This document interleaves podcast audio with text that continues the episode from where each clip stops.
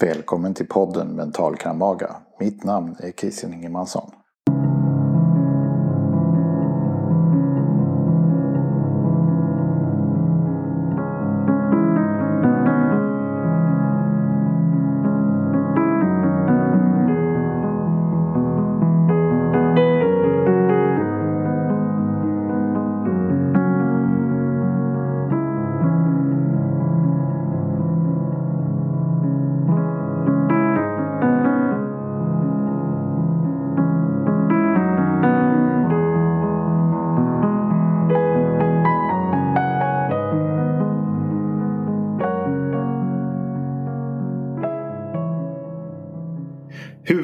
Det att åka skidor ner för världens högsta berg?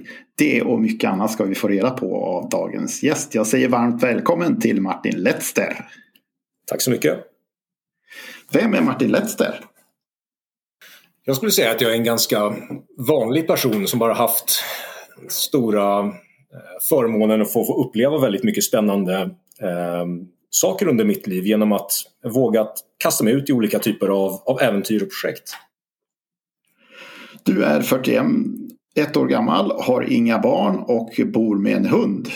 Ja, det stämmer bra det. Uppe i, i fjällen. Just nu bor jag i eh, Edsåsdalen strax utanför Åre. Du var första person som tillsammans med Olof klättrade Seven Summits och åkte skidor ner från alla bergen, eller hur?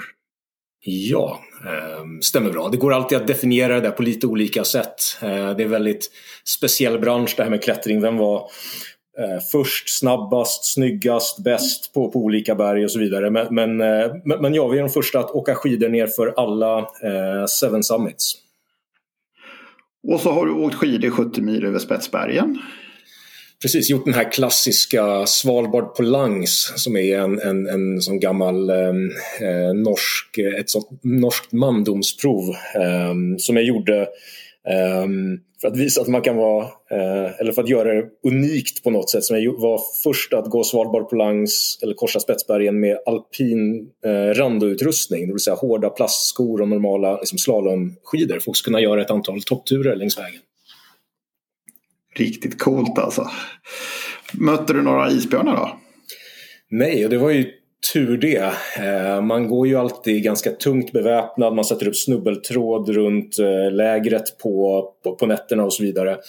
Eh, men, men vi stötte inte på eller fick inte närkontakt med någon isbjörn vilket är, är, är bra för kommer man i närkontakt med dem och de börjar förfölja en och man tvingas eh, göra någonting, eh, skjuta mot en björn och försöka skrämma bort den på det sättet så innebär det ganska ofta Eh, slutet på, på expeditionen. Eh, de är ju eh, skyddade. Gör man sitt jobb ordentligt då, då kommer man inte i närheten av dem och behöver inte heller riskera att skada en, en, eller ett så fantastiskt djur. Jag och min fru Karina vi var på en tur till Långerbyen och sån här kryssning i tre dagar där. Ett liten båt med 70 personer ombord.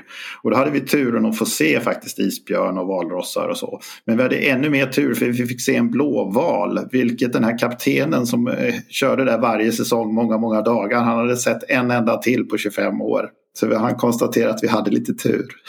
Det låter helt fantastiskt. Men det är en underbar natur på Svalbard. Det är helt, helt riktigt. Det är väldigt annorlunda från, från den liksom alpina terräng och miljö som man, man stöter på på Nordkalotten och, och andra delar av, av Skandinavien. Så det är, nej, det är en riktigt spännande plats att vara på med fantastiska möjligheter för olika typer av, av projekt och, och äventyr och, och så vidare. Vi gjorde ju strandhugg då och då och på ett ställe så mötte vi tre svenska killar som hade tagit en segelbåt och seglat till Svalbard och så gick de omkring med sina älgstudsare där då. Och vad träffade de på i den ödsliga viken långt, långt, långt bort på Svalbard? Jo, 70 turister som vallas av en massa beväpnade vakt. Jag tyckte så synd om dem, stackarna.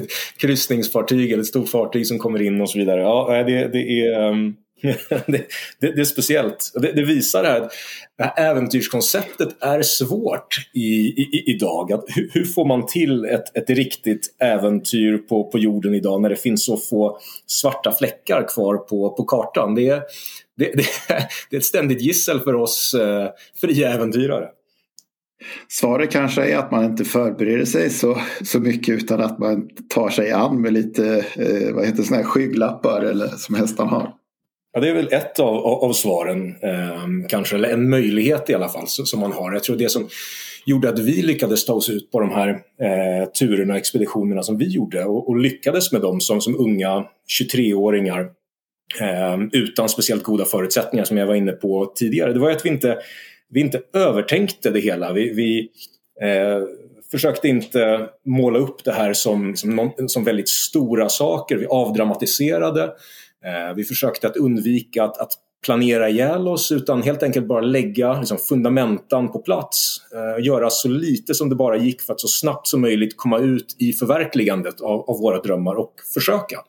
Eh, och det tror jag var en väldigt liksom, viktig aspekt eh, i, i, i, vår strategi och, och, vår förmåga att genomföra de här eh, projekten och lyckas med den väldigt ringa erfarenhet som vi, eh, vi hade. Att vi, vi väntade inte på att alla förutsättningar skulle komma på plats, att vi skulle ha rätt budget, rätt kunskap, rätt erfarenhet. För man kan alltid bli bättre. Eh, och det är så lätt att man, man väntar och skjuter upp in i eh, liksom evigheten på något sätt och låter tanken på det perfekta döda det goda. Utan vi, vi, vi väntade bara tills vi hade liksom, good enough, vilket ofta brukade sammanfalla med när datumet i kalendern var detsamma som datumet på våra flygbiljetter. Då stack vi iväg eh, och, och, började, gick över från en planeringsfas till en genomförandefas och, och mm, eh, gjorde vårt bästa med väldigt begränsade resurser genomföra projekten där och då. Eh, och det gick oftast väldigt bra. Man måste dock vara beredd på att misslyckas också när man, när man agerar på, på det sättet. Men man får istället då betrakta varje misslyckande som ett steg på vägen, en möjlighet att lära och komma tillbaka lite bättre förberedd nästa gång. Jag har ju förintervjuat dig tidigare och då när du berättade det här så blev jag så inspirerad så jag tänkte jag testar det själv när det gäller att rekrytera intressanta gäster till podden. Och jag måste säga att eh, 50 av dem som jag tillfrågade på, som ligger på nivåer som jag trodde måste vara omöjligt för mig att nå eh, har svarat och flera av dem kommer med i podden framöver. Så att för mig har det funkat över all förväntan faktiskt. Ja, stort grattis till till det. Och som jag brukade säga på, den tiden att Försöker man inte, då har man ju absolut noll chans att, att lyckas. Försöker man och går, liksom, kastar sig in i, i den här förverkligande fasen, då har man i alla fall gett sig möjligheten att lyckas. Man har tagit det svåraste första steget och sen handlar det bara om att liksom, navigera runt problem och lösa de hinder, som, hinder och problem som dyker upp längs vägen. Men då är man liksom i ett actionläge. Man, man, gör någonting, man lär sig och man har väldigt kul längs, längs vägen. Och det är alla dagar i veckan bättre än att sitta hemma och läsa en bok till och förbereda sig lite mer och, och, och bara liksom tänka och visualisera. Jag föredrar att vara där ute liksom i verkligheten, i förverkligandet. Och så kan man ju tänka så här också att om man försöker på högre nivå än vad man tror att man eh, lyckas, som i mitt fall då med att rekrytera poddgäster, så har man liksom ingenting att förlora för man räknar ju egentligen med att man inte lyckas. Och sen får man ett antal segrar längs vägen och då får man ett himla starkt självförtroende. Var det så för er också att, att när ni lyckades med den ena toppen efter den andra att det byggde ett enormt självförtroende? Ja men precis så var det.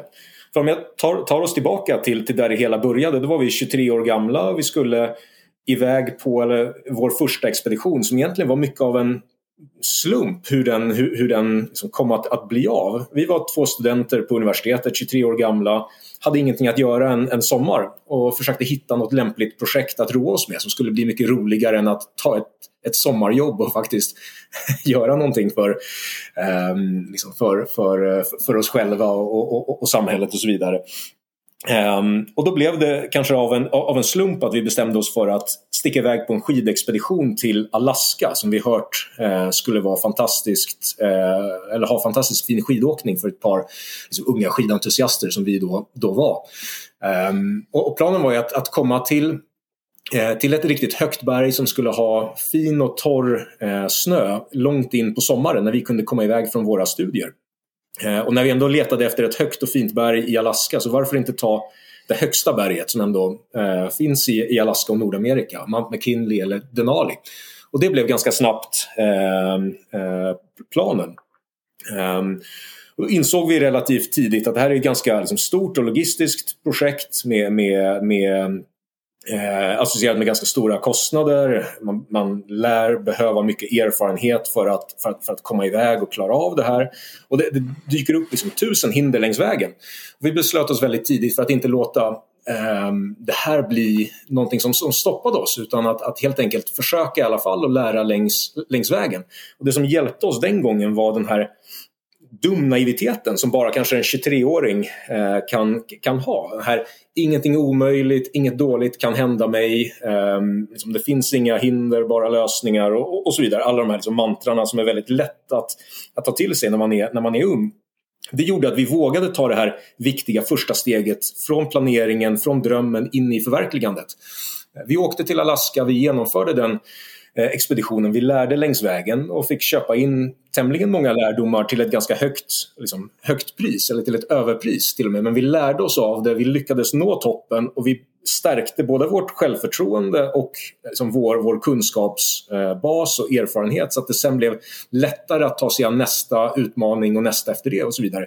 Tills dess att våra egon och självförtroenden och vår tro på vår egna förmåga att kunna realisera i princip vilka projekt som helst var uppe på en liksom, eh, ja, liksom i, i, linje med himlen. Det fanns ingenting som längre var för, för svårt. Men jag tror det som var väldigt viktigt för oss var den här unga naiviteten som vi hade som 23-åringar. Att våga ta det här första kritiska steget. För när vi väl gjort det och sett att vi klarar faktiskt av det här då, då kunde vi bygga vårt självförtroende, ta oss framåt och, och, och um, stärka oss själva både i det och, och som sagt vad gäller vår erfarenhet och möjlighet att tekniskt genomföra de här bitarna.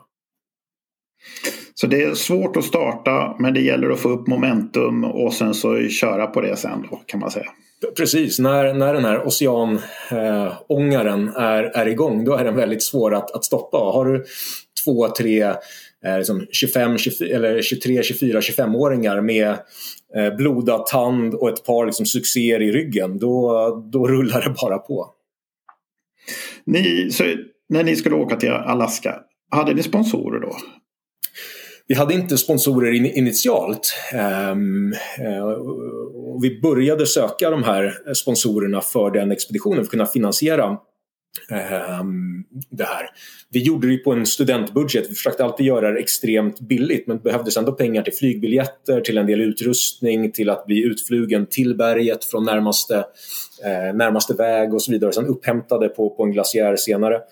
Ehm, så vi började söka sponsorer och insåg ganska snabbt att det var ju väldigt få företag som var villiga att, eller var villiga att sponsra två tomtar i 23-årsåldern utan någon tidigare klättringserfarenhet. Eh, e-, ehm, för att sticka iväg och göra någonting som ärligt talat hade gjorts ett antal gånger tidigare. Det är inte, eh, det är inte helt unheard of att åka skidor nerför Denali som är ett ganska fint skid, eh, skidberg. Så vi insåg ganska snabbt att vi kommer inte få sponsorer bara på det upplägget utan vi måste höja ribban på något sätt. Vi gör, måste göra någonting mer för att dra till oss tillräckligt media eh, uppmärksamhet för att kunna ha någonting att erbjuda tillbaka till de här sponsorerna eller företagen som skulle associera sig med, med, med, oss. Och då kom vi på att för att bli mer unika kan vi säga att vi ska inte bara klättra Denali i Nordamerika utan vi ska bli först i världen med att bestiga det högsta berget på var och en av de sju kontinenterna. Eh, det var en serie berg som inte hade skidats tidigare. Där kunde vi bli först. Det skulle attrahera mediauppmärksamhet eh, och det hade vi kunnat använda för att eh, få in ett par sponsorer. Så att från att göra en expedition till Alaska så blev det en, en fyra eller tre, fyraårig serie expeditioner som vi committade till där och då. Fick våra första sponsorer och sen hade vi ett antal berg på en lista att checka av. Eh, så att från att ha, ha ehm, utan att ha haft några större klättringsambitioner ett par veckor tidigare så hade vi helt plötsligt um, en, en, en liksom lista projekt framför oss med Everest som kanske kulmen på, på det här att, uh, att åka skidor ner för världens högsta berg. Någonting som jag i alla fall inte hade drömt om någon gång tidigare men som vi helt plötsligt hade liksom committat till. Hade ni någon klättringserfarenhet när ni åkte till Alaska? Då? Nej, det, det, hade vi egentligen inte. Jag hade väl gått med stegjärn på, på um, eh, fötterna eh, en eller två dagar tidigare. Olof hade lite mer efter en ut, ett utbytesår som student i, i Zürich i, i Schweiz. Eh, nej, vår erfarenhetsbas var, var, så pass, eller bank var så pass tom att när jag ställde mig i, ehm, i mina Eh, bindningar till, eh, eh, randobindningar till skidorna på Kahita-glaciären i, i Alaska på 2200 meters höjd där vi blev avsläppta med ett flygplan. Då var det första gången jag försökte liksom låsa upp häldelen på en randobindning och försöka ta ett par steg i, eh, i, i den typen av utrustning med stighudar på, på skidorna. Um, så, nej, så, så vi, vi kommer ju från en väldigt låg, eh, låg bas. Men återigen den här liksom, dumnaiviteten gjorde att vi trodde inte det här var, var, var, omöjligt. Vi hade köpt oss ett antal böcker om klättring, skidbestigningar, klättringsexpeditioner och läst in oss på dem precis som man gör med stu studentlitteratur som de studenter vi faktiskt var. Vi satt fortfarande och bläddrade och läste i de här böckerna när vi satt på flyget över Atlanten från, från Sverige till Alaska och hade faktiskt med oss ett par sådana här klätter eh, biblar upp hela vägen till baslägret på, på 4200 meters höjd där man läste lite med pannlampan i, eh, i, i, tälten varje kväll. Och de beskriver ju allt ifrån hur man knyter in sig i rep, kamrat, eh, genomför kamraträddningar på glaciärer till exempel, till hur man eh, planerar kost, sätter upp ett tält i ordentlig vind, gräver ner sig i snön, gör en nödig vack om det är storm eller blåser mycket och så vidare. Så de hade verkligen all information som man kan tänkas behöva. Och sen var det upp till oss att överföra den här informationen till erfarenhet genom att faktiskt agera på det och göra någonting med det. Ja, det är nog viktigt att man testar åtgärderna i praktiken för att ha skillsen när, när det krävs sen. Precis, det blir först liksom riktig kunskap när man fått möj eller möjligheten att, att testa det på, på riktigt. Liksom, jag kan läsa mig till information men för att det verkligen ska sätta sig eh, i ryggmärgen så måste jag få utföra det praktiskt. Vad var drivkraften? Svårt att, att, säga, men det var väl det här att, att hitta ett äventyr, att testa sig, sig själv, utmana sig själv. Um, uh, och framförallt göra det i en miljö som vi tyckte väldigt mycket om. Uh, bergen, uh, snön, platser där man kan åka skidor. Så jag tror att klätterexpeditioner blev ett sätt att kombinera väldigt många saker som vi, ehm, vi, vi älskar.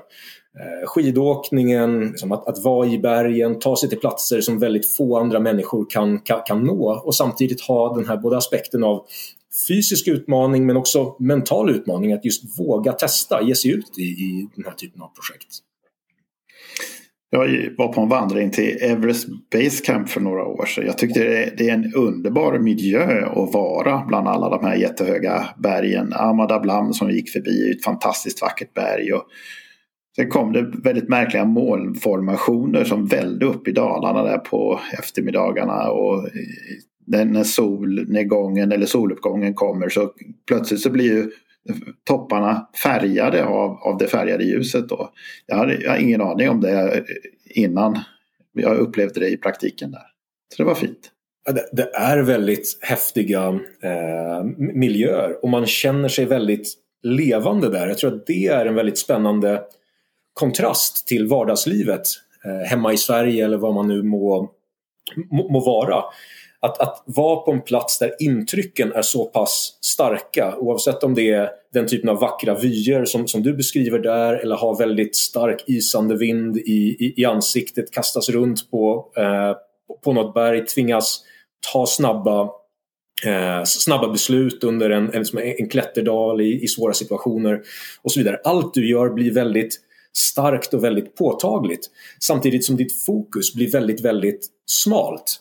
Jag har inte längre de här tio post-it-lapparna på, på, på, mitt skrivbord, hundra saker som jag borde, borde göra, liksom långt schema, utan här handlar det om att under en till två månaders tid ta sig från ett basläger till toppen av en hög med, med, med grus. Det är en oerhört enkel, liksom enkel värld man, man lever i då. Varje dag ska jag göra en sak. Jag ska förflytta mig från baslägret till, till läger 1 eller från läger 1 till, till läger 2. Um, ehm, göra det på ett, på ett tryggt och säkert sätt. Men det är väldigt liksom, enkelt um, och intrycken jag gör under tiden är väldigt starka. Och det är väldigt lockande, en spännande kontrast till, um, till, till vardagen som är, när man kommer tillbaka, känns betydligt mer grå och splittrad på något sätt.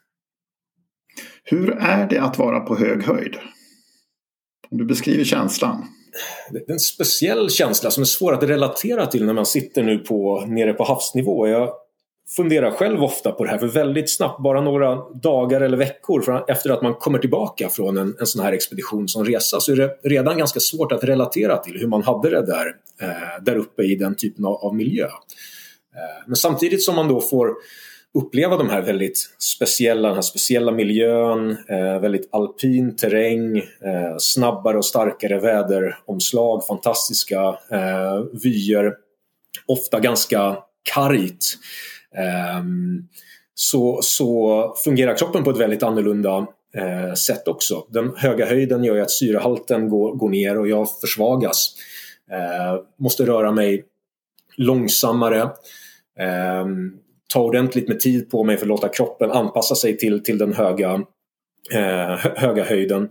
Eh, var medveten om att även liksom mentalt så kommer jag fungera på ett väldigt annorlunda eh, sätt. Jag kan inte tänka lika klart som jag gör eh, här, här, nere. Ehm, så det blir väldigt, väldigt annorlunda. Men på ett sätt, jag brukar jämföra med att för varje tusen höjdmeter som jag förflyttar min, min, eh, min bashöjd med så känns det som att jag åldras tio år. Så när man är uppe på över 8000 meters höjd då, då både känner jag mig och, och, och rör mig som en, en, en väldigt, eh, väldigt gammal människa. Eh, de sista stegen upp på toppen av Mount Everest, när man tar sig över en, en, en sluttning som kanske är som en säg, svart, brant eh, skidbacke så behöver jag mellan tre och sex djupa andetag eh, mellan varje fotförflyttning i varje steg som, som jag tar. Så man rör sig så pass långsamt eh, där uppe. Avstånd som jag hade kunnat eh, jogga på, på eh, 4-5 minuter nere på havsnivå är helt plötsligt, liksom, kommer ta mig en timme att, att, att ta mig till. Eh, arbete som jag hade gjort väldigt enkelt eh, här, lyfta saker, lyfta mig själv över saker, blir helt plötsligt oerhört tuffa på, eh, på, på, den höjden när man ligger så nära eh, liksom sina mjölksyratrösklar eh, och, och, så vidare. Så det, det, är en väldigt spännande miljö men man är väldigt utsatt för man är så pass mycket svagare än eh, vad man normalt sett är. Vilken typ av motivation krävs för att man ska kunna övervinna den här typen av hinder hela tiden som det blir?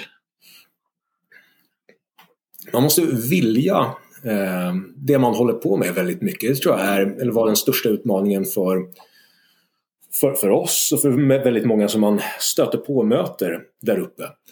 Man kan väl jämföra det lite med att springa ett, ett, ett maraton eller köra ett Vasalopp och, och så vidare. Det kommer inte vara kul hela vägen. Sista kilometrarna på Eh, på, på, ett maraton så skriker ju kroppen eh, att man inte vill längre, att, att man vill liksom, sänka tempot, sakta ner, gå från att löpa till att jogga eller, eller gå till exempel. Man har hela tiden liksom, tusen anledningar i huvudet till varför man borde sänka tempot eller, liksom, eller ge upp liksom, sin, sin ambition på, eh, på ett eller annat sätt. Samma sak med med, med, klättring, varje dag du befinner dig på, på hög höjd känner av de effekterna, har huvudvärk, mår illa, har svårt att äta, ta upp föda från, eller energi från, från födan du äter och, och så vidare.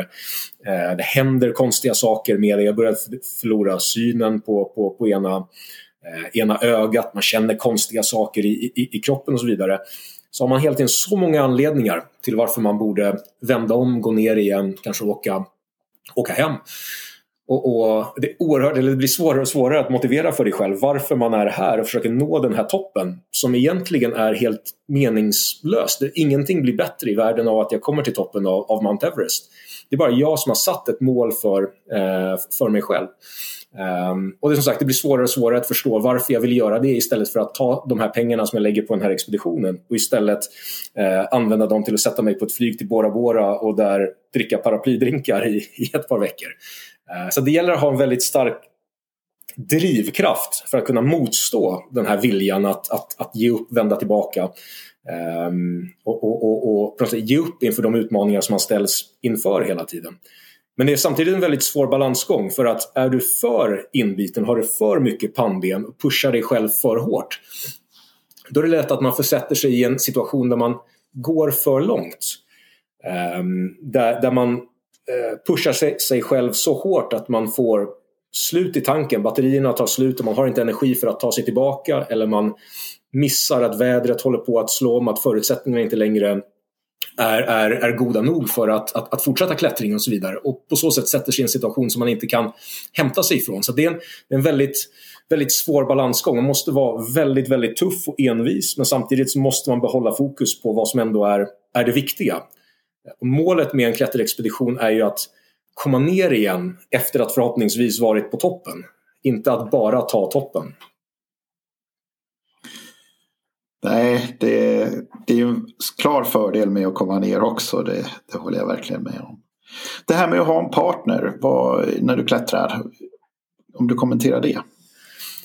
Oerhört viktigt för, ehm, för, för, för mig. Eh, dels ur en säkerhetsaspekt då det självklart är mycket tryggare att ha någon där med sig. Ehm, så, som dels kan, kan hjälpa mig om jag blir svag, som jag kan assistera när, när den personen har en, en, en sämre period eller dag. Men också för att spegla eh, liksom en verklighetsuppfattning med eh, Eh, de här molnen eller det här väderomslaget som jag nu observerar eller hur jag tycker att liksom, eh, snökvaliteten håller på att, att, att förändras. eh, eller hur snabbt vi, vi rör oss, hur mycket energi vi verkar ha, ha kvar i, i, i, i tanken.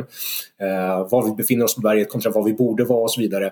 Är det liksom i linje med plan eller är det någonting konstigt som håller på att, att ske? De besluten kan vara ganska svåra, eller de tendenserna kan vara svåra att uppfatta själv. och det är viktigt att ha någon där att spegla det hela med, att, att, att få en reality check, eh, så att säga.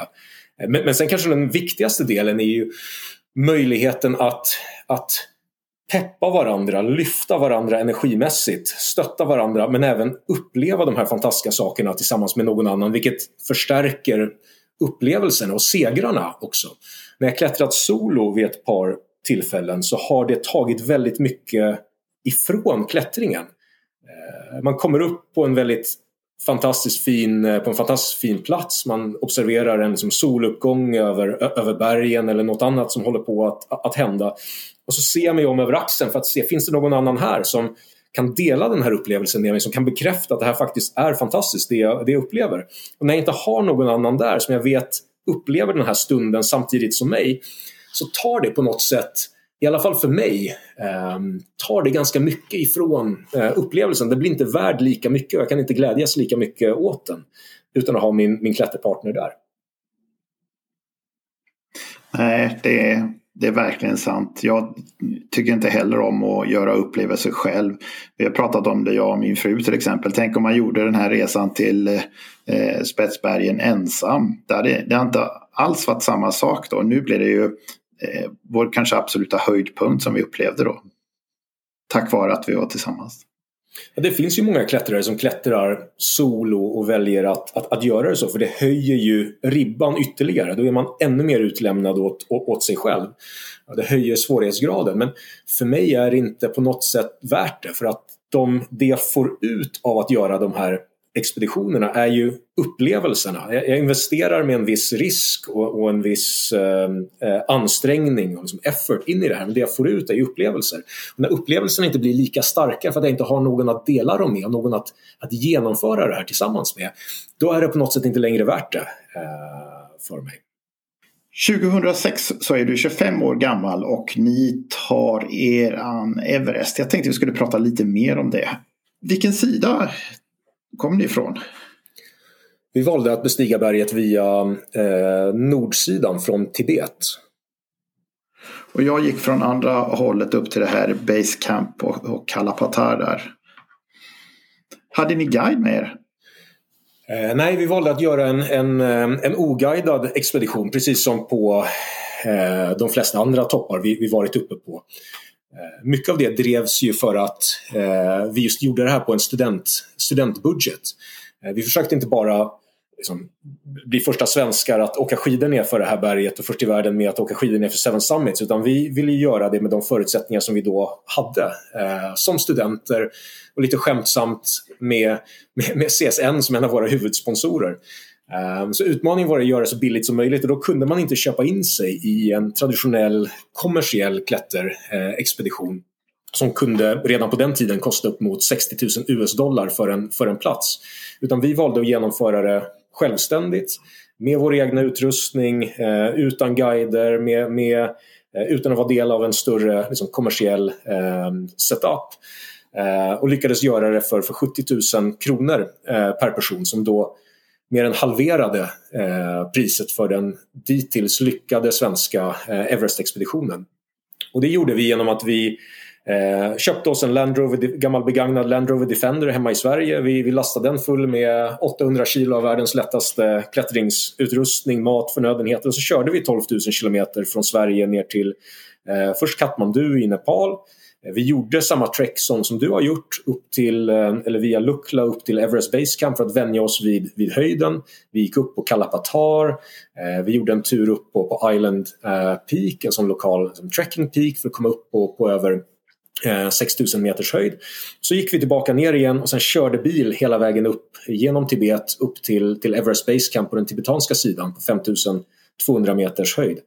Eh, det hade vi inte kunnat göra utan den akklimatiseringsturen som vi först gjorde för, både jag och Olof är ganska långsamma på att vänja oss vid, vid, vid hög höjd. Och sen under en, en, en, eh, knappa 40 dagar så genomförde vi expeditionen eh, från, från den tibetanska sidan. Eh, som, eh, först som, som en duo eh, men efter ett antal dagar så insåg vi att vi trots den extra akklimatiseringen så rörde vi oss inte fullt så snabbt som vi hade eh, hoppats. Så vi eh, slog oss samman med en eh, ung tibetansk kille som hade ambitionen att jobba på, på berget som, som bärare och sedan guide. Hade kommit upp dit för att försöka komma med någon, någon expedition. Så vi slog oss ihop med honom, han fick del, ta del av vår utrustning, eh, syrgas, förnödenheter och annat och så klättrade vi som en trio eh, tillsammans och lyckades ta toppen all, allihopa. Hur mycket brukade ni ha i packningen ungefär?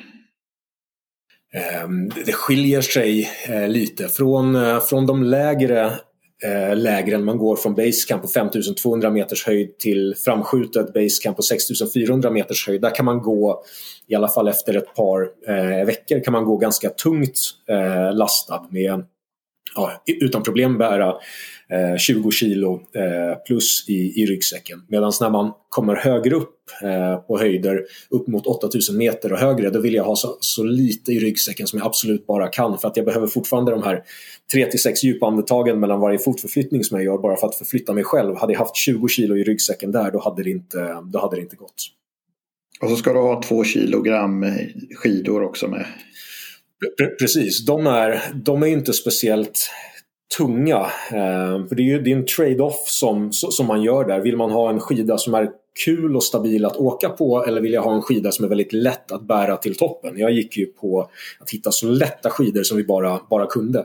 Så paret skidor inklusive bindning vägde strax under 2 kilo, vilket är mindre än vad en normal alpinbindning eh, eh, väger. En normal skida utan bindning ligger väl också på, på drygt eh, liksom 3, 3 kilo. Så här väldigt, väldigt lätt.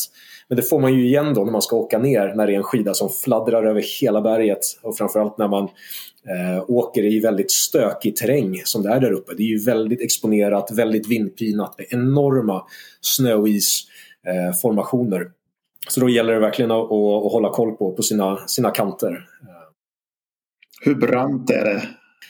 Eh, det, det, det varierar men, på många ställen så, så är det väl att karaktärisera som survival skiing i, i, till skillnad från kanske så här hero skiing som man gör i, i ehm, på, på skidorter eller liksom när det kommit väldigt mycket snö när jag kan göra i princip vad som helst och det gör ingenting om jag faller för jag har en liksom, bottenlös puder som kommer ta emot. Jag kan hoppa från en klippa och landa på huvudet och, och jag kommer bara behöva gräva upp mig själv ur det här. Här är man på platser där det kanske sluttar två kilometer på ena sidan av en rygg och två och en halv kilometer på andra sidan. Och det kan vara i lutningar som är eh, bortemot eh, 50-55 eh, grader medan sig väggen i, i, eh, i, Sälen är 45 grader. Eh, så, att, så att får jag ett ordentligt fall där eh, då kommer jag börja tumla och inte lyckas få stopp på mig själv innan man liksom slår i, i eh, innan helt enkelt sluttningen tar, tar slut efter de här eh, 2-2,5 kilometrarna. Så att det är helt enkelt oacceptabelt eller det är oaktuellt ska man säga, att, att, att falla. Eh, i, i, i, den miljön och då åker man ju därefter. Då blir det väldigt konservativ eh, skidåkning som mer handlar om problemlösning med skidor på, på fötterna. Att ta sig ner snabbare än vad jag skulle gå men på ett säkert och tryggt sätt. Man ska också ha, ha med sig att det här är inte som att kliva av en lift och göra ett brant åk i, i Alperna eller i, i svenska fjällen utan då har man ju varit på, på berget i, eh, i eh, en dryg månad. Eh, man har klättrat i, i fyra, fem dagar för att ta sig upp mot, mot toppen. Du har kanske varit igång redan i åtta timmar bara för att ta dig till, till toppen. Eh, tagit de här tre djupa andetagen mellan varje fotförflyttning och dina ben är som spaghetti. Du är extremt eh, sliten och trött. Jag kan göra tre, fyra, fem svängar, måste sen stå och hyperventilera, hämta andan i, i eh, 30 sekunder. Så det är verkligen ingen, ingen liksom hjälteskidåkning eh, som det är tal om, utan sluttningar och problem som i normala fall, precis som, som klättringen, inte är något, något problem som jag väldigt enkelt skulle kunna ta mig an. De blir väldigt läskiga, farliga, problematiska på den höjden när man är i det skicket som man är i där, där uppe. Det här blev ett riktigt, riktigt äventyr då med både oguidat och gå upp och sen så åka ner i denna terräng då. Ja, men det var ju det vi var, vi var ute efter.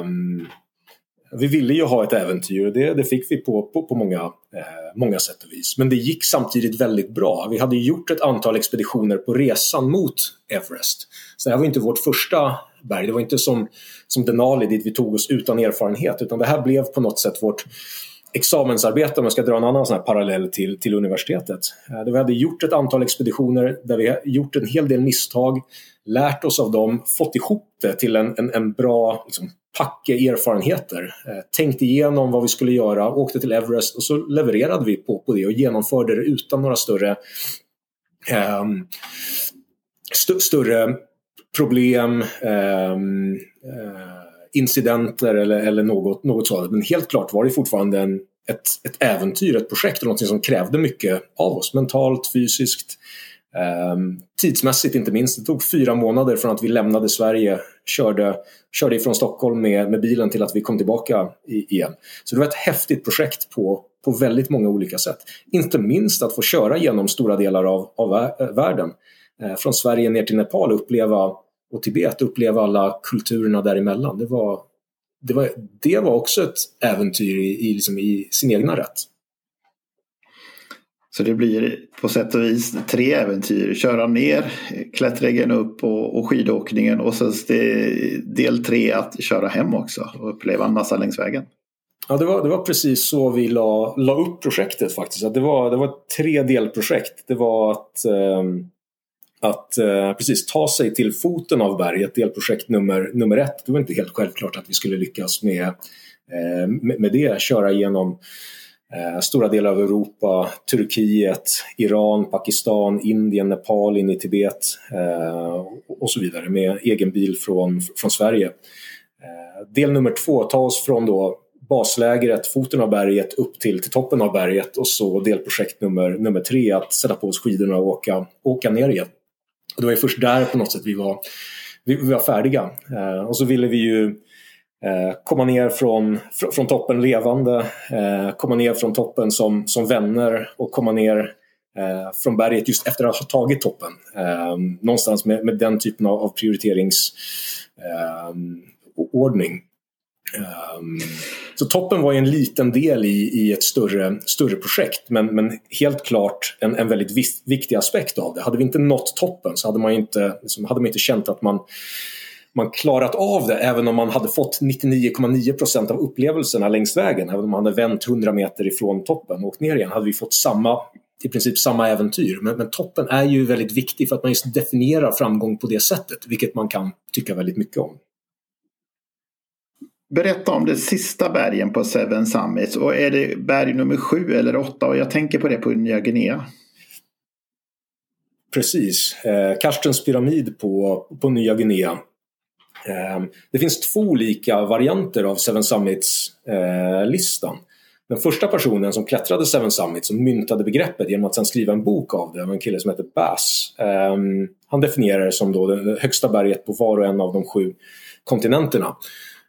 Um, och såg Australien som den sista uh, kontinenten och då Mount Kosciuszko uh, som är ungefär lika högt som uh, Kebnekaise som då den, den sjunde toppen. Eh, ett par år senare så, så gjorde eh, Reinhold Messner, eh, en betydligt mer eh, liksom ansedd och erfaren alpinist och klättrare om den här listan men bytte ut eh, den sista toppen, då, Mount Kosciuszko, mot Karstens pyramid på, på, på Nya Guinea. som han definierade som Oceanien, som den, den, liksom, den liksom större eh, liksom landområdet eller geografiska området eh, där nere i, i, i, regionen. Och de har ett berg som närmar sig eh, 5000 meter istället som är betydligt mer svårtillgängligt och betydligt eller något svårare att klättra, lite mer tekniskt att, att, att klättra. Och vi tyckte ju att åtta berg är roligare än sju så vi beslöt oss för att åka skidor ner för, för alli, allihopa och blev de första som just åkt skidor ner för alla åtta eh, Seven Summits. Och, och det, det, sista berget då, Karsens pyramid, var lite problematiskt för oss. Ett av, ett av många berg, men, men eh, kanske ett av de första bergen som vi, vi misslyckades på eh, ordentligt.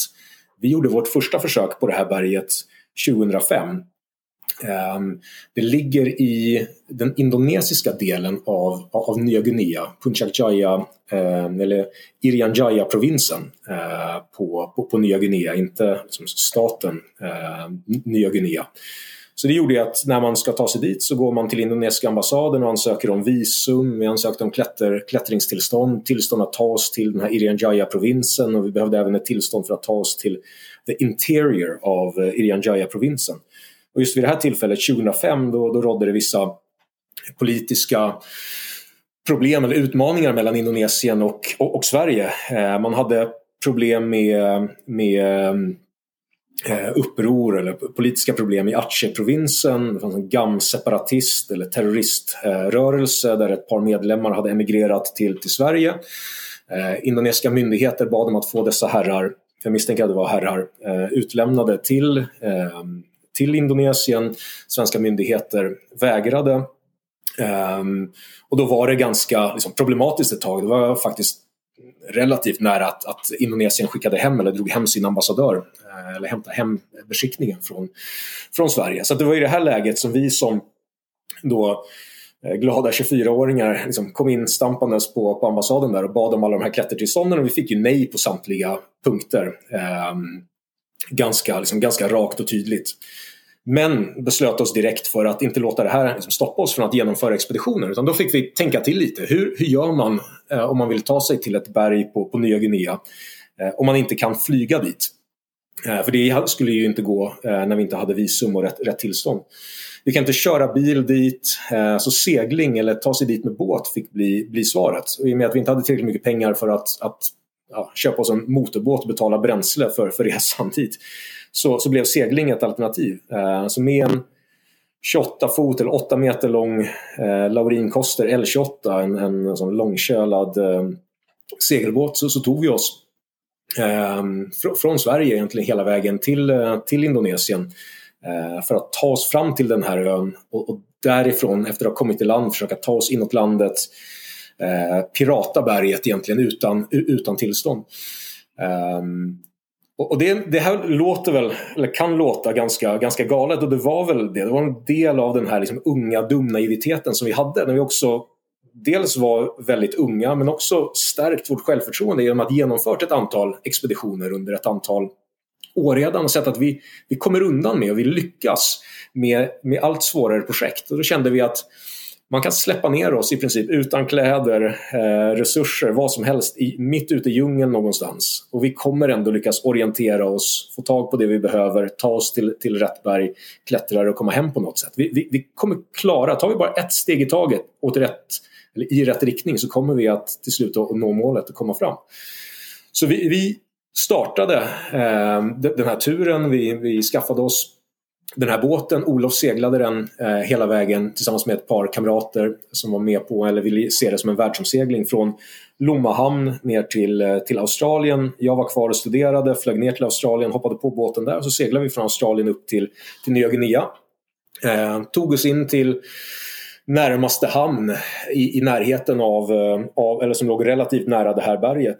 Eh, och hade en plan att vi helt enkelt skulle komma in där och säga att vår motor har gått sönder. Vi har drivit eh, i land här utan tillstånd och behöver temporärt uppehållstillstånd i väntan på att eh, Volvo Penta hemma i Sverige ska kunna leta fram och skicka ner reservdelar till en ja, 30 år gammal eh, dieselmotor på, på den här båten så vi kan laga den och sen segla, segla vidare. Det räknar med, vi med skulle ta två, tre månader och det var gott om tid för oss att kunna smita iväg på något sätt, ta oss inåt landet, klättra det här berget och komma tillbaka igen. Um, det gick ju till slut riktigt, riktigt dåligt. Um, eller åt skogen helt enkelt. Efter två, tre veckor på den här ön när vi långsamt försökt ta oss inåt landet, komma iväg från, från kusten. Eh, polisen, andra myndigheter som hela tiden var oss hack i häl. Så, så blev vi i slutändan arresterade. Um, hamnade i, i riktig liksom, bråk med lokala polismyndigheten. Eh, fick alla våra saker konfiskerade. De upptäckte skidor, Eh, klättringsutrustning, stig, eh, vad säger, eh, isyxor, stegjärn och så vidare och insåg att någonting inte stämde med vår historia. Så vi blev arresterade, slängda i finkan eh, och eh, satt där i ett par dagar tills vi lyckades prata oss ur det här läget och tillsammans med ett lokalt eller amerikanskt gruvbolag eh, förmå myndigheterna att, att släppa oss ta oss tillbaka till vår båt och eh, skicka tillbaka oss ner söderut till, till Australien igen efter att ha skrivit under en väldigt lång liability release om att vi lämnade det här området helt på, på eh, eh, eget bevåg eh, trots att vår båt var, var, var i dåligt skick och så vidare.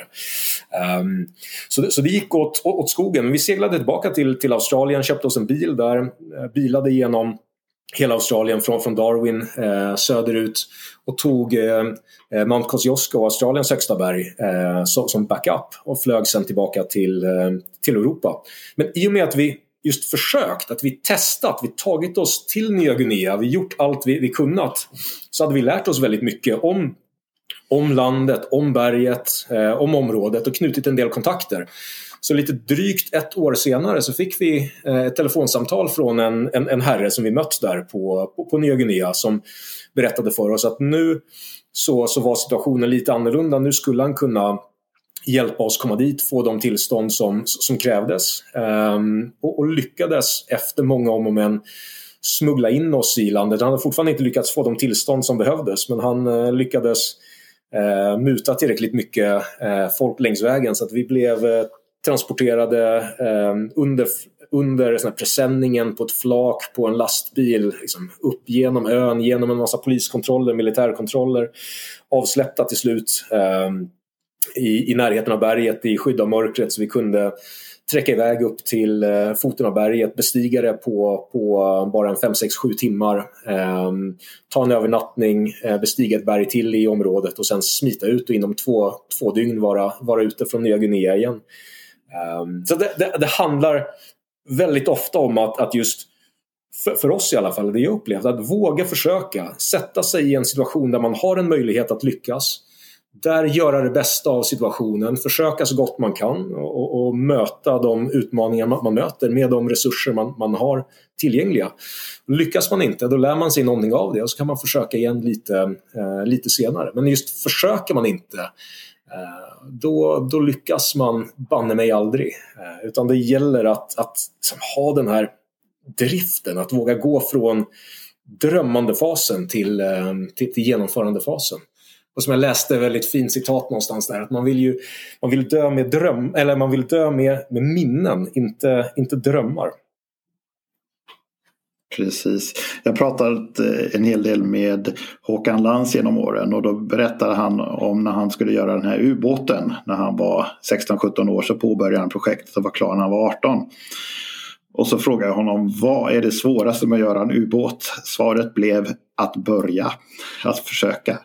Eh, sen tyckte han inte att det var speciellt svårt att göra den här själva ubåten sen. Utan, eh, men att, få, att verkligen satsa fullt ut på att göra det, det var svårt. Ja, men det, det, är precis så här att, att bestiga Mount Everest kanske låter som en stor sak men det är inte speciellt svårt. Det handlar till syvende och sist om att sätta ena foten framför den andra många dagar i, i, i rad. Det finns inga stora tekniska utmaningar eh, om man håller sig på någon av eh, standard eller normalrutterna. Så är det på de flesta, flesta berg jag och Olof var inte fantastiskt duktiga klättrare, vi är inte extraordinära, eh, liksom unikt begåvade skidåkare på, på något sätt, utan vår eh, liksom unicitet, eller det som gjorde oss speciella, var att vi, vi vågade testa och, och där, därmed upptäcka att det faktiskt inte var så svårt som, som många andra kanske, kanske trodde. Eh, och I och med att vi testade, begav oss ut i, liksom, ut i världen och gjorde de här sakerna så lärde vi oss väldigt mycket av det. Vi hade väldigt kul men vi gav oss också samtidigt verktygen för att sen ta oss an allt tuffare eh, utmaningar. Men det hade aldrig gått om vi inte vågat ta de här första, första stegen, precis som du säger.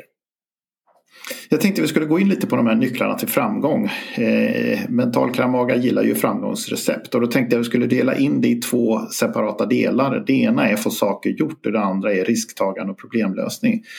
Vad är det som är nycklarna för att få saker gjort, tycker du?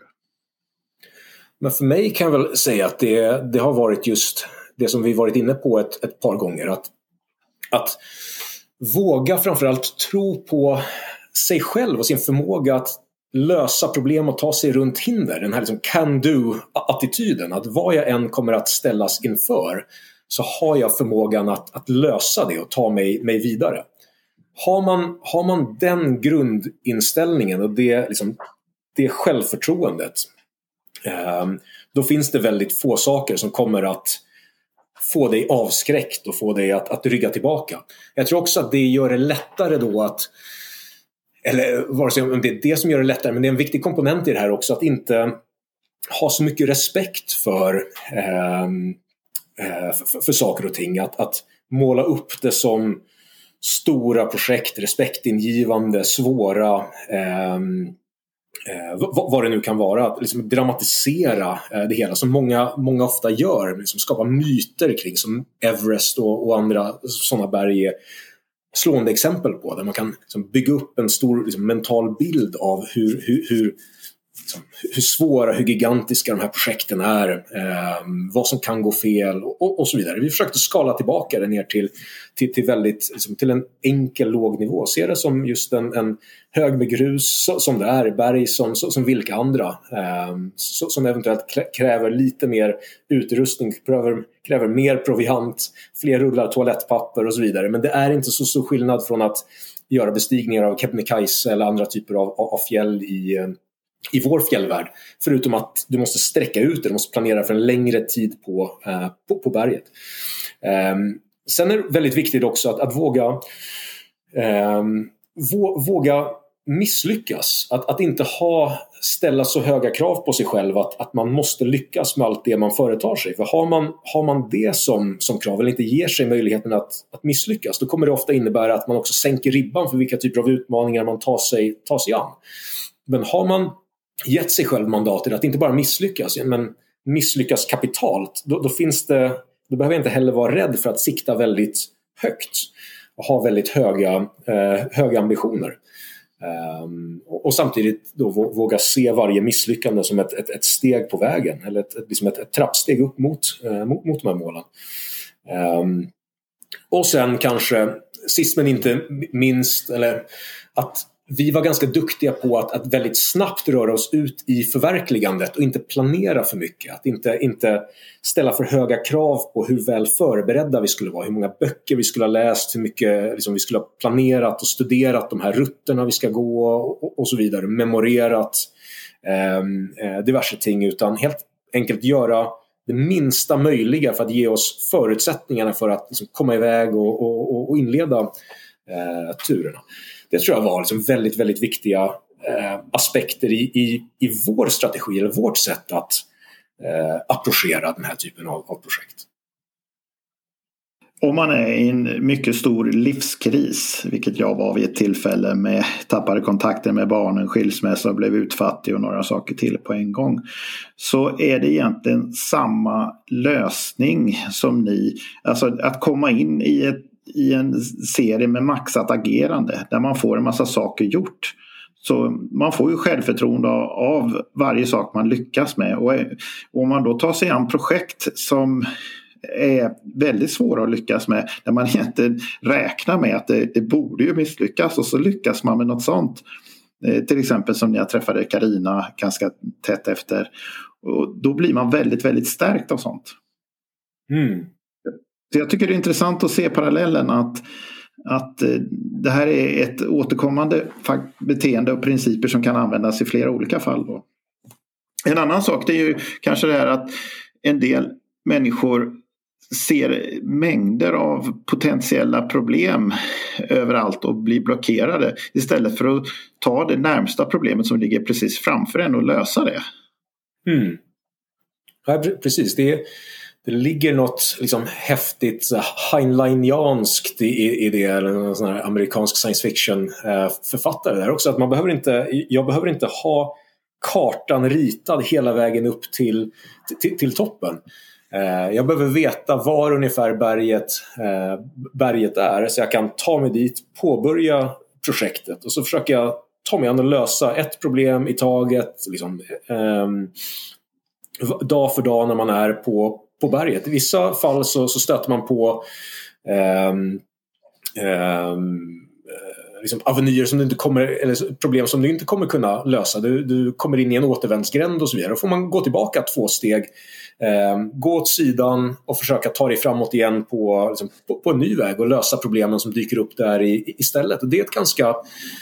Eh, det, det, det, det, det, för mig är det ett väldigt befriande sätt att se på, på livet och, och, och världen med. Att jag behöver inte veta exakt vad det är jag ska göra. Det räcker att jag vet vad, vad målet är och så kommer jag behöva navigera mig runt problemen för att, att komma dit. Men så länge jag tror på att det alltid kommer finnas en, en väg framåt um, så, så, är det bara att, att som sagt att, att ta sig an problem efter problem um, och, och, och, och, och, och, och kötta på. Jag tror en viktig komponent i det här också var att vi är väldigt duktiga på att bortse från ordet nej eller låta det som man har något teflonskinn så att man låter det liksom rinna, rinna av en. Eh, allt vad gäller omöjligheter och problem och, och, och eh, motstånd och så vidare har vi ganska svårt att ta till oss av. Och det är klart att det har hjälpt väldigt mycket i sådana här fall också. Att det spelar ingen roll om 10 personer eller 100 personer säger åt oss att någonting vi försöker göra är, är omöjligt eller att vi, vi har för lite erfarenhet eller för lite pengar, inte rätt utrustning, inte rätt förutsättningar och det här kommer inte, kommer inte gå och så vidare. Har man, har man möjlighet att inte ta det till sig, inte låta det påverka en så, så har man väldigt mycket vunnet. För det är så lätt att det här börjar liksom hacka på ditt självförtroende, urholka den här tron på, på dig själv. Så du måste ha ett ganska tufft skal eh, också, eller tuff, eh, liksom tuff, eh, tough skin för att låta de här sakerna rinna, rinna av dig och inte liksom komma åt dig. Speciellt de här sista dagarna när, när du är högt upp på berget eller när du verkligen lider, oavsett om det är på ett berg eller någon annanstans, men när du verkligen pressar dig till ditt yttersta där du är sårbar och där, där det är lätt att börja tvivla. Eh, där är det extra viktigt att inte låta sådana här externa eh, faktorer komma in och försöka få en ur, ur balans utan våga fortsätta tro på, på dig själv. På Netflix så finns det en film nu som heter 14 toppar med Nims Purja. En eh, skärpa som tillsammans med ett par andra skärpa har varit uppe på de 14 högsta eh, bergen i världen på bara sex månader. Det varit fantastisk. Han har ju en eh, bakgrund som gurkasoldat i ett flertal år och sen så var han i SBS eh, vilket är är en av de absolut främsta elitstyrkorna i världen. Och det var väldigt tydligt på honom där hur, hur, stora likheter mellan det, hur ett team med specialförbandsoperatörer fungerar och hur man kan fungera på hög höjd i, i, vid klättringar. De har inte heller haft e- andra externa bärare och sånt där. På flera av bergen har de bestigit det själva. Har du sett det eller? Nej, jag har, jag har, inte, jag har hört talas om, om, om bedriften men jag har inte sett, äh, sett filmen. Jag är tyvärr inte så eh, liksom tight kopplad eller in mot, mot, mot klätter, klättervärlden var det egentligen inte heller på den tiden då vi höll på. För vi gjorde det här som ganska liksom, privata, egna expeditioner utan att lyssna så mycket till eller titta så mycket på hur, hur andra gjorde, vad andra gjorde eh, och så vidare. Så jag har, har aldrig varit så inläst eller så inne på eller i, i den här världen. Men jag har hört talas om bedriften. Den är ju oerhört imponerande och, och långt bortom eh, någonting så, som jag hade haft eh, förmågan att, att, att, göra. Jag vet hur jag känner mig efter, efter en 8000 meters expedition. Jag hade kanske eh, kunnat göra Eh, två, möjligen eh, tre sådana i, i rad innan jag bröt ihop totalt. Men att göra 14 det är riktigt, riktigt eh, imponerande. Ni skrev en bok, Ad hoc Rocks. Precis. Det, den försöker beskriva lite av den här inställningen som vi hade samtidigt som den, den drar ett antal anekdoter och berättelser från, från, från bergen. Men vi vill inte skriva en normal klätter, klätterbok. Eh, för det har gjorts så många gånger tidigare och framförallt så var vi ganska ointresserade av själva liksom, klätterdelen av de här expeditionerna har sällan varit liksom, huvudanledningen till varför vi gjort det. det är inte, vi, vi kommer inte från en klättringsbakgrund. Klättringen var ett nödvändigt ont för att kunna ta oss till, till toppen och uppleva det vi, det, det vi gjorde. Så vi försökte skriva en bok just om inställningen, problemlösningsattityden och hur vi faktiskt löste problem. De flesta av vilka faktiskt hände på vägen till berget. När man väl tagit sig, liksom, eh, tagit de här första stegen, tagit sig igenom allt myndighetstrassel, genom konstiga delar av världen och så vidare och satt sin fot i baslägret. Då är ofta 75 procent av arbetet och utmaningarna bakom en. Eh, och man har bara den, den, roliga enkla biten kvar. Alltså när man väl står på toppen och bara har skidåkningen kvar, ja, men då har man gjort 95 procent av, av, ehm, eh, av arbetet.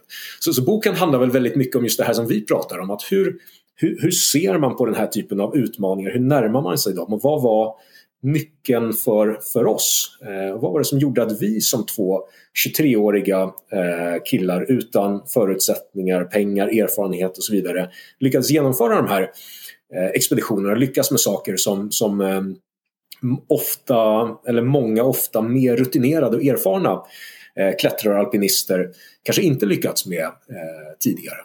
Eh, och då var det intressant att fokusera just på de här mentala bitarna som, som vi diskuterar här idag.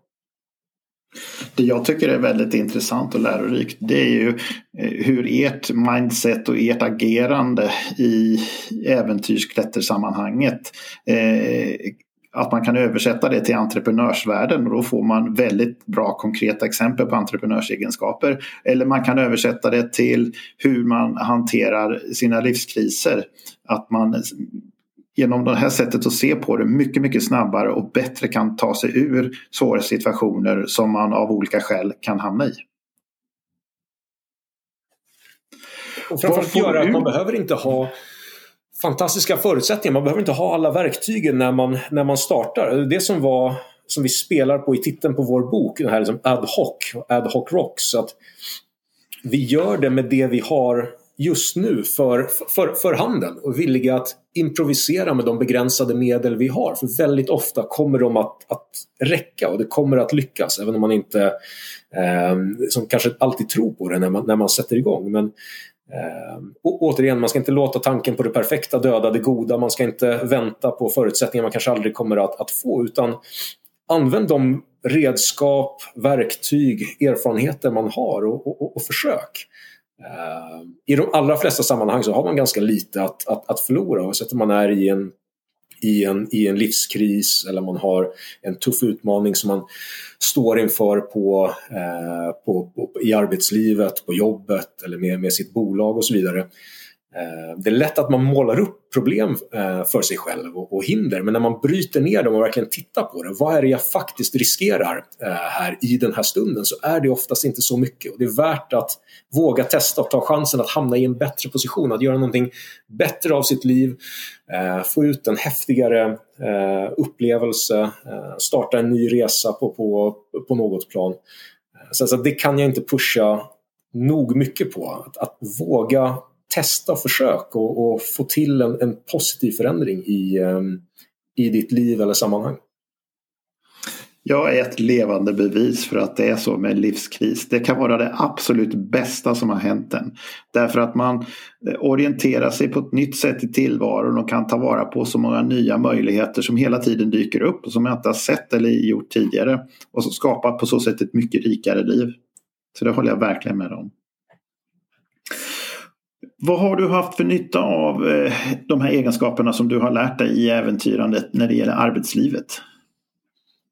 Men det här självförtroendet, våga, eller den här liksom can do-attityden, att man litar på sig själv, man tror på sig själv och man är övertygad om att man kommer kunna övervinna de allra flesta olika hinder som man kan komma att eh, presenteras med. Det är klart att det är användbart, inte bara inom, inom äventyrandet utan i, i alla delar av, av, livet. Både liksom det privata, eh, arbetslivet eller vad jag än kan komma att, att, att ställas inför. Om det är någon kvalitet som jag hade velat eh, lämna vidare till, till, till, mina barn om jag, om jag nu hade sådana så hade det varit just den, liksom, den innerlig, liksom, den, den starka själv, eh, självkänslan och den, den attityden. Men det gör ju att eh, om vi flyttar det till ett arbets, arbetslivssammanhang att, att man kan ha en, en bättre distans till saker och ting som sker eh, i, i arbetslivet. Eh, man kan ha ett större eh, större lugn och, och, och stresstålighet och framförallt där också kanske våga ta risker eh, och chanser som man annars inte hade varit villig att, att, ehm, eh, att, att, att, ta. Ehm, för att man, man backar sig själv att, att eh, klara av dem, eller eh, klara av dem, dem, eller det motstånd som man kan komma att, att möta. Och gör man det inte så, så vet man att det är ett steg på vägen, att jag har lärt mig någonting av, av det här, jag kan, kan gå vidare Um, och, och, och, och, lyckas bättre nästa gång. Jag började egentligen mitt, mitt första riktiga jobb var inom Kinnevikssfären, MTG, Modern Times Group, eh, där man hade ett, där vi levde i ett väldigt entreprenöriellt, eh, eller hade en sån anda över hela bolaget. Vilket passade mig oerhört väl för där vågade man testa varje dag, starta nya bolag, testa nya idéer eh, på löpande band. Det var, det var, inte en månad som gick utan att man försökte på den tiden då, i, i slutet av 2000-talet. Eh, lansera en produkt i en ny marknad eller skapa, skapa en ny produkt och så vidare under mantrat att Dare to fail, but fail fast. Eh, det vill säga att, att, precis som vi gjorde i klättervärlden, att våga testa och försöka men ha ganska tydliga målsättningar och milestones och så vidare. Ser man att det här inte funkar, ja, men då, då ska man dra ur proppen tidigt och lägga sina resurser i alla fall på att testa i något annat sammanhang istället och testa en ny idé. Uh, istället. Så det fanns ingen, liksom, ingen bestraffning för att, att, att misslyckas, bara man, man, man, tidigt kunde identifiera om det här går i rätt riktning eller inte. Och det är mycket liksom, samma som samma strategi som, som vi använde i, i, i klättersammanhang också. Vi vågade ge oss ut i eh, förverkligandet testa. Men vi hade alltid ett, ett skyddsnät. Vi ville inte låta det gå så långt att vi hamnade i riktigt farliga eh, situationer utan då var vi tvungna att ha en, en nödplan, en backupplan. Vad gör vi om vi inte kommer dit vi vill, om vi inte lyckas tillräckligt snabbt eller om vi inte lyckas göra det på tillräckligt säkert och tryggt sätt. Så måste vi ha en, en fallback eller en, en escape plan eller vad vi nu ska, ska kalla det för hur vi säkert ska kunna ta oss, ta oss tillbaka. Har man det, i alla fall lagt tillräckligt mycket tankegods på att skapa sig den utvägen då kan man våga kasta sig in i väldigt osäkra och ostrukturerade situationer. Eh, och ofta är den inte faktiskt eh, även lyckas som resultat av det. 2010 till 2016 så jobbade du på Boston Consulting Group. Är det något liknande McKinsey? Sån här management? Det är, eh, det är samma typ av, av bolag, strategi, management, konsultbolag, precis. Vad gjorde ni där? Eh, jobbade eh, där med eh, att, att rådge eh, media, telekom och, och techbolag. jag kommer ju från, från media, mediavärlden, från, från MTG. Jag har jobbat mycket med fri-tv, betal-tv, eller Viasat, TV3, TV6, MTG Radio och så vidare. Sen även jobbade nere i Afrika med att lansera ett antal betal-tv-kanaler. Eh, så insåg vi att det var väldigt långt ifrån Lagos i, i Nigeria till exempel till eh, snöklädda berg i, i Skandinavien. Så jag valde att, att då eh, flytta tillbaka till, eh, eh till Sverige igen och gå in på, på konsultsidan och jobbade istället mot olika media, telekom, tech eh, bolag under den tiden och hjälpte dem med digital transformation vilket var väldigt, väldigt stort under den perioden. Man gick från traditionella medier, papperstidningar, eh, linjär tv, eh, traditionella eh, utgivna böcker och så vidare till de digitala eh, varianterna eh, av detta. Streamad musik, eh, streamad tv, eh, film, e-böcker och så vidare. En väldigt spännande utmaning som, som branschen då stod inför och fortfarande gör på, på, på många, i många aspekter. Hur många timmar jobbade du per vecka? Eh, varierade ganska mycket men, men eh, det låg väl någonstans på, på mellan eh, 60-70 timmar i, i, i, veckan. Och så hård press på leverans då? Hård press på, på, på leverans. Det var eh, möten med, med klienter och, och delleveranser eh, minst en gång i veckan, oftast eh, eh, oftare. Så att det var alltid, man jobbade alltid mot en, en, en deadline på, på ett eller annat sätt. Eh, var alltid tvungen att, att utvecklas, bli, bli eh, eh bli bättre, lära sig nya saker och så vidare. En väldigt spännande och dynamisk miljö att, att jobba inom men, men man har aldrig riktigt möjligheten att slappna av, luta sig tillbaka och göra någon, någonting på, på rutin utan man är alltid liksom framåtlutad, på tårna och, och pushar sig själv. Um, vilket är en väldigt häftig känsla. Man, man utvecklas väldigt mycket. Um, man, man, lär sig väldigt mycket. Men man måste också se till att man, man ger sig själv tillräckligt mycket utrymme för, för återhämtning och har tillräckligt mycket spännande saker som pågår i, andra, eller liksom, i de andra delarna av ens liv. Uh, så att inte allting bara handlar om, om, om arbetet. Så balans i livet är viktigt. Hur tänkte du när du sa upp dig 2016? Um, jag kände att um, även om det var fantastiskt uh, kul att, att jobba på, på, på BCG med de kollegorna som jag hade där och den, den, um, den utveckling som vi var, var, var, med om och som vi, som, som vi drev. Så var jag återigen jag var närmare fjällen och skidåkningen än jag hade varit, när, jag, bodde i Lagos eller i, i, i London. Men det var fortfarande långt ifrån fjällen. Jag spenderade väldigt mycket tid med att, att veckopendla mellan Stockholm eller Oslo där jag jobbade under veckorna, alltså i måndag till, till torsdag eller fredag. Till att sen tillbringa helgerna uppe i, eh, i um, svenska fjällvärlden. Och la väldigt mycket tid på, på de resorna. Jag kände att Eh, jag ville testa att ha fjällen som min vardag istället som någonting som jag smet iväg till.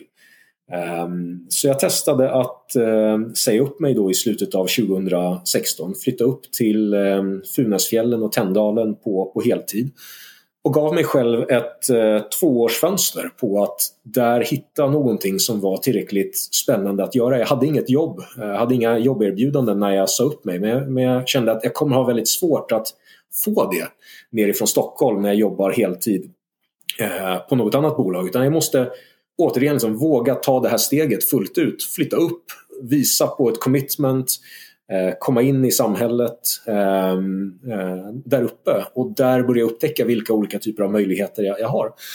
Eh, och skulle jag inte inom två år eh, hitta någonting som jag kände var tillräckligt intressant och stimulerande, en tillräckligt bra liksom, vardag där uppe så, så visste jag att jag har alltid möjligheten att komma tillbaka igen. Jag kan gå tillbaka in i samma typ av, av roll som jag hade eller något liknande nere i, i, i Stockholm. Så för mig var det inte en stor risk att, att ta. Eh, för även om det skulle gå åt skogen så hade jag ändå, skulle jag ändå få två år av otroligt fina upplevelser av att bo på heltid uppe i, i, i fjällen och kunna ägna min fritid åt det som jag, som jag älskar mest. Sen gick det visserligen väldigt, väldigt fort. Eh, så fort min uppsägningstid hade eh, och karantän hade gått, gått ut så, mm, så i princip dagen efter började jag jobba för, för Skistar uppe i, i fjällvärlden. Eh, först med ett antal olika konsult eh, och affärsutvecklingsuppdrag och, och sen inom en 6-7 månader som, som destinationschef i, i Hemsedal vilket nog är det, det mest intressanta och spännande jobb som jag, som jag någonsin haft. Att få vara destinationschef eller VD för en, en skidanläggning och få arbeta med att, att leverera eh, fantastiska och minnesvärda skidupplevelser till, till folk precis som, som mig själv. Jag har svårt att tänka mig någonting häftigare än, än, än det. Vilka förebilder har du? Jag har inte så många eh, förebilder faktiskt. Det kanske har att göra med det här som jag sa, nu låter det väldigt arrogant och drygt här, men det, det har kanske att göra med den här inställningen att inte eh, låta sig imponeras så mycket av, av, saker och ting och, och, och, och, förstora upp dem till, till någonting riktigt, liksom, eh, någonting för stort, bygga mytologi runt, runt saker och ting utan försöka skala av och, och eh, istället bryta ner till, till, liksom, till, till, fundamentan. Så att, jag, jag har nog aldrig haft speciellt många eh, idoler. Jag har istället haft eh, eh, kanske klättrare eller, eller andra eh, personer som varit intressanta att, att ehm, just se hur har de, hur har de tagit sig an problem, vad har de använt sig av för, för, för strategier, eh, för medel och verktyg. Men, men, jag behöver inte idolisera någon för att eh, kunna lära av, av deras eh, erfarenheter. Om vi tittar på typer av klättrare. Eh, drömmare versus sanna utövare. Finns det något sånt? Eh? Jo, men det, det, det, det, finns det ju. Jag har fortfarande svårt att, att kalla mig själv för klättrare först, först och främst. För att jag är inte tekniskt duktig nog egentligen för att, för, för att vara det. Jag tillhör inte den här riktiga liksom, alpinistskaran som är ute i, eh, i, i bergen. Och ger någonting tillbaka till, till, till klättringen. Eh, som sätter upp nya rutter, som banar ny väg, bryter ny mark och så vidare. Eh, det, det, är inte det jag gör. Jag tar ofta lättaste vägen till toppen av ett berg för att sen kunna åka skidor ner och ha, ha kul på, på vägen ner. Eh, men ja, det finns olika typer av, av eh, av ehm, eh, inställning i alla fall till, till det här. Vi brukade, jag och, och Olof brukade skämsamt prata om det här som, som eh, skillnaden mellan liksom armchair mountaineers och kanske liksom vanliga mountaineers. Där vi var de som gav oss ut och, och testade med ganska dåliga förutsättningar medan en armchair mountaineer eh, satt hemma i sin soffa, läste 10, 20, 30, 50 böcker om ett, ett berg, hade alla kartorna eh, där uppslagna framför sig, kunde liksom allt om de olika eh, rutterna, om, om, om fjällen, eh, liksom foton på varje del av rutten och så vidare och kunde betydligt mycket mer av, om bergen än vad vi kunde. Men på något sätt kom de ändå aldrig till toppen för att de inte tog sig ur den här bekväma soffan och gav sig ut i, i förverkligandet. Med, Medan vi planerade bara och förberedde oss så, så lite som vi, vi, vi, kunde eller för att lägga den här liksom basen, ha ett, ett skyddsnät bakom oss. Och sen gav vi oss ut och, och, och testade eh, istället och blev på så sätt eh, Mountaineers. Vilket vi aldrig hade blivit om vi bara varit kvar hemma och, och läst, eh, läst böcker om det. Om vi nu ser de här som bara drömmer och teoretiserar oss som en, eh, en grupp och sen en annan grupp är de som verkligen ger sig ut och börjar klättra. Men av de som ger sig ut och verkligen börjar klättra så finns det ju två typer. Dels de som är kapten på egen båt eller med egen båt. Eh, och så finns det ju de som är bara passagerare på ett kryssningsfartyg. Jag tänker alltså skillnaden mellan en mikroexpedition till Everest som ni gjorde jämfört med en guidad trekkingtur till toppen som en del i ett, i ett av de här guideföretagen. Ja, precis. Det, det är, ehm, man ska ju inte kanske ta liksom så mycket ifrån eh, prestationen. Eh, alltid, även om jag köper in mig i en guidad expedition så måste jag i slutändan ta mig från baslägret hela vägen upp till, till toppen av, av berget. Jag måste ta mig varje steg av, av rutten för det finns ingen som kan upp och ner, för det finns ingen som kan bära mig på, på, på den höjden. Men jag kan ju göra min resa betydligt mer behaglig eh, genom att jag har mycket stöd från ett färdigt basläger med, med kockar och liksom mästtält och duschar och man kan till och med ha liksom en bastu i Everest Base Camp och, och, så vidare. Till att det finns fasta läger när jag kommer upp och har gått liksom från, från baslägret till, till mina klätterläger. Så varje gång när jag kommer upp så har eh, Sherpas och guider redan varit uppe satt fasta rep, satt upp tält så det ligger liksom, tält uppsatta, sovsäckar, jag har mat, jag kanske redan har liksom, uppvärmd mat som väntar på mig när jag, när jag kommer upp och så vidare. Och jag har folk som dessutom kan hjälpa mig bära min, min packning och, och så vidare. Så det, det, går att göra det på, liksom på ett enklare, eh, enklare sätt och få en trevligare re, resa. Medan är man fattig som vi var på, på, på den tiden, då var vi tvungna att göra allt det här själva. Eh, bära vår egna eh, utrustning, laga vår egna eh, mat, hitta vår egna eh, liksom väg på, på berget och lösa problem på vårt egna sätt utan att få stöd och support och så vidare från, från en väldigt kompetent och, och, och duktig liksom baslägerstab, eh, guider och så vidare. Eh, men samtidigt så menar jag att man, man då lär sig betydligt mer också. Att, att går jag med en guide så, så blir jag väldigt passiv och jag förlitar mig på någon annans erfarenhet och, och, och kunskap. Medans Eh, är jag där själv så måste jag vara mycket mer i stunden och ta varje beslut själv. Och då måste jag också vara betydligt mer uppmärksam på vad som händer runt omkring mig. Vilken typ av situation jag befinner mig i eller på väg in i. Och det gör mig mycket mer vaken och levande eh, på, eh, på något sätt och gör att jag får en starkare upplevelse av, av, eh, av, av turen också. Eh, återigen med risk för att låta liksom, dryg och arrogant, men det gör det till en starkare liksom, upplevelse för, eh, för, för, mig och, och är närmare ett sätt som jag skulle vilja agera eller vara på i, i, eh, i, i bergen. Eller det gör det värt det för, för mig. Om man tittar i läkarvärlden till exempel. Eh, om man är på ett litet sjukhus och är AT-läkare så får man tidigt gå jourer på akuten på olika delar och ta mycket ansvar. Man får alltså säga vara kapten på egen båt i ganska hög grad. så ringer man ju naturligtvis och frågar om fallet till en bakjour och så. Om man är på ett storsjukhus så dröjer det ofta länge innan man kan vara jour för att det är mer komplicerade fall på en sån akutmottagning. Och ofta, även när man har blivit legitimerad och så, så är man ofta så kallad superkandidat. Man följer med de erfarna och har hela tiden tillgång till deras stöd, ungefär som man har guide hela tiden. Men jag tycker att utbildningen blir mycket bättre och roligare och mer upplevelserik och spännande om man tidigt får ta mycket ansvar i yrkeslivet också. Mm. Ja, det, det håller, jag, håller jag med om. Um, jag hade den erfarenheten också när jag um, gick in i arbetslivet. Mitt första jobb var som en sån påläggskalv eller management trainee inom, inom Kinnevik. Där man direkt kastades in i, i uh, ledningen för bolaget, sitta med på på eh, ledningsgruppsmöten och, och ta sig an olika typer av, eh, av utmaningar från att, att um, liksom lösa svåra problem, vara med om, om eh, etablering i nya marknader, lansering av nya typer av, av produkter, eh, tjänster, vad det nu kan vara, till att samtidigt också eh, byta däck på chefens bil och hämta lunch och kaffe och, och, och, alla de bitarna. Men det var en väldigt häftig mix där man direkt kom in i, i hetluften och fick vara del i beslut som var långt, långt över vad min eh, eller ens senioritetsnivå egentligen skulle, skulle till, tillåta. Men det gjorde ju att man lärde sig oerhört fort.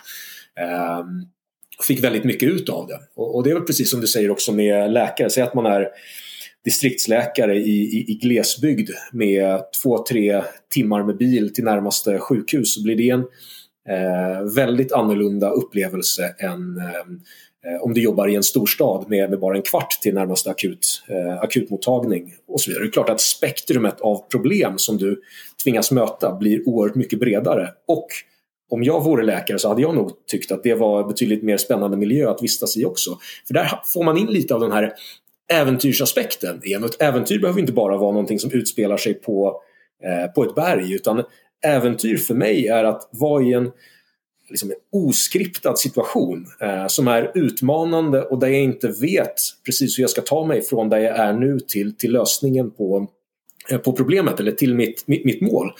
Um, som att liksom på den gamla goda tiden när det verkligen fanns svarta fläckar på kartan ta sig in till en, en, en ny plats, navigera sig dit, finna ett berg och ta sig liksom till, till toppen av det eller finna eh, Nilens källa eller vad det nu kan vara. Det är ju liksom äventyr, den här osäkerheten, eh, det oskriptade blir en väldigt viktig aspekt av det. Eh, och det är ganska spännande i arbetslivet också att, att, våga kasta sig in i miljöer där man inte riktigt är bekväm, där man inte har svaren när man startar.